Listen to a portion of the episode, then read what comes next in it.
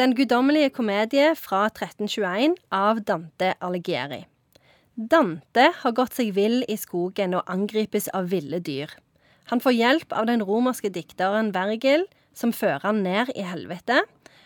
Så videre til skjærsilden, og til slutt så kommer han til himmelen, hvor Beatrice tar over og viser han Gud. Det høres ut som en helvetes tur. Det er det. Vi er jo i middelalderen nå.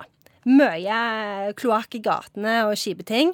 Så den beskrivelsen av helvete, den er veldig både detaljert og realistisk. Det er sånn at Dante han er opptatt av å dele ting inn i kategorier. Så du har forskjellige sirkler hvor folk er plassert avhengig av hva de har gjort, da.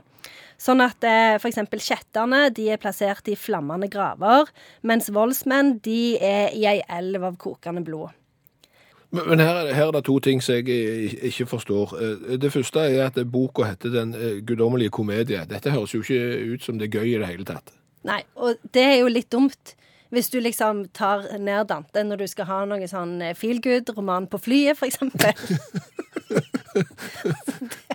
Viktig å lese bakpå. Okay. Men er, det- er det ironi? Nei, det er ikke ironi. Det er, at det er sånn at det, her snakker vi som komedie som livet, altså livet sjøl. Eh, så det er ikke komedie i den vanlige ha-ha-forstanden. Okay. Det er mer sånn alt det som livet har å by på, introduksjon. Eh, og Dante, han er veldig bekymra for sin egen sjel. Og, og så leder jo det meg inn på det andre som jeg ikke forstår her. Fordi at du sier Den guddommelige komedie av sant, forfatter Dante Alighieri, eh, som beskriver Dante. Altså det er selvbiografi. Er det det? Litt tidligere ute enn Knausgård, for å si det sånn. Okay. Ja, så dette er virkelighetslitteratur.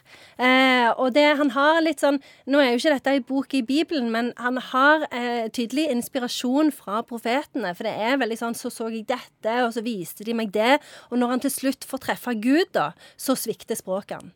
Da sier han ja, dette skulle jeg gjerne beskrevet for dere, men jeg Lyset var så strålende, og eh, Gud var, så, var Gud, så dette, jeg har ikke ord, og jeg husker egentlig ikke helt hva som skjedde. Hva er det egentlig han prøver å fortelle oss i denne boka? Det han prøver å fortelle oss, er nå må vi skjerpe oss litt. Har du lyst til å havne i ei flammende grav? Nei. Har du lyst til å havne i ei elv av kokende blod? Nei. Nei. Nei. Så ta så kom deg ut av den skogen, da. Oppfør deg. Ja.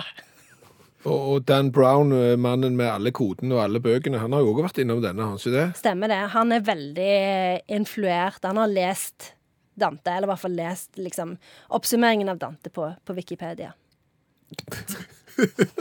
Har du et sitat? Jeg har et sitat. Veien til paradiset begynner i helvete. Ja, det er litt sånn det er i motbakke det går oppover. Stemmer det? Det var det Dante som fant på. Da skal du rett og slett få lov til å oppsummere Dante for oss. Ja, og, og, og det er ikke lett, men Den guddommelige komedie er ikke morsom i, i det hele tatt. Det er rett og slett en helvetes tur eh, som Dante begir seg ut på. Og hadde han eh, skrevet den selvbiografien i dag om at du først har vært i helvete, så i skjærsilden, og til slutt så treffer du Gud, og det var veldig lyst, så hadde du vært lagt inn for lenge siden, for å si det sånn. Var det greit? Ja, jeg eh, tenker at eh, Dante sin Den guddommelige komedie er middelalderens svar på min kamp. Men bare i ett bind. Stemmer det. Tusen takk, Janne Stigen Drangsholt, forfatter, litteraturviter, klassekontakt på andre trinn og tidligere hjelpetrener i friidrett.